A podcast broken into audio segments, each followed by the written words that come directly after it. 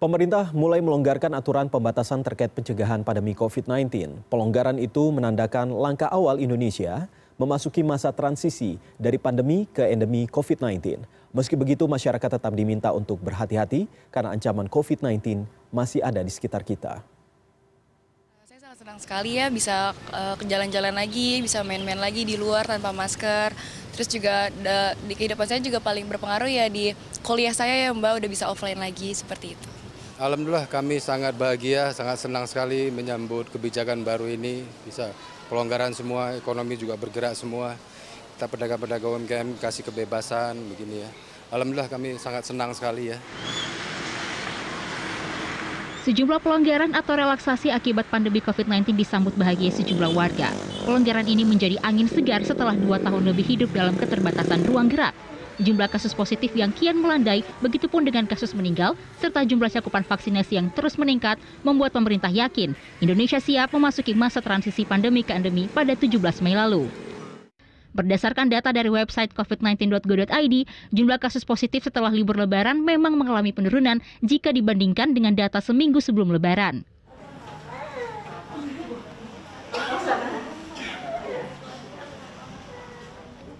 Percepatan vaksinasi dan booster menjadi kunci pemerintah untuk mengendalikan virus ini.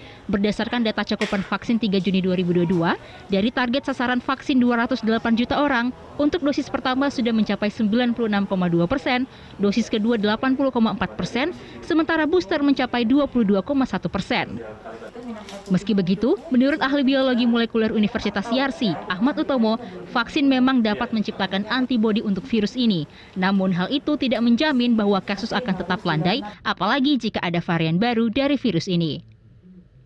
Ya, jadi terkait uh, menghadapi era transisi ini, ya kita memerlukan banyak hal ya. Tentu di samping vaksin. Jangan hanya menganggap oh saya sudah divaksin selalu bebas euforia ya jangan. Nanti seperti di Amerika atau di Eropa. Karena ketika mereka terlalu euforia, akhirnya mereka melihat peningkatan kasus karena masalahnya mungkin bukan kita sendiri yang terkena, tapi orang lain akibat virus yang tidak sadar nih itu kita sebarkan karena kita tidak gunakan masker gitu ya. Senada dengan Ahmad Utomo, Ines Atmo Soekarto selaku Chief Scientific Officer dan Managing Director Startup Biotech Australia berpendapat vaksin booster belum bisa dijadikan jawaban akhir dari pandemi ini. Kita tidak tahu apakah booster ini akan menjadi uh, jawaban akhir karena tidak ada yang tahu efek jangka panjang berapa lama uh, proteksi yang diberi oleh booster. Uh, artinya uh, semua kebijakan itu harus uh, melihat perkembangan. Jadi data itu harus terus di harus terus dikolek ya supaya kebijakan itu bisa disesuaikan.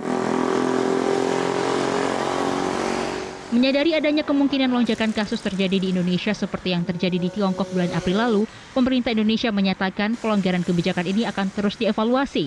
Juru bicara Kementerian Kesehatan Indonesia Muhammad Syahril bahkan menyebut adanya kemungkinan pencabutan pelonggaran kebijakan penggunaan masker di ruang terbuka jika terjadi lonjakan kasus yang signifikan.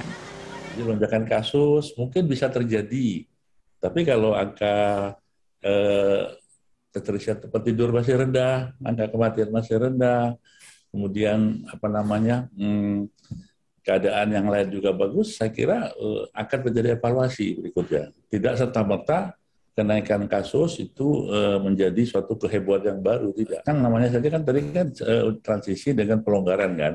Ya. Nah nanti kita evaluasi. Jadi uh, pemerintah akan mengevaluasi andaikan terjadi seperti yang disampaikan tadi penjagaan kasus, kita evaluasi apakah pelonggaran maskernya ditarik lagi itu kita lihat bisa bisa saja mungkin seperti itu.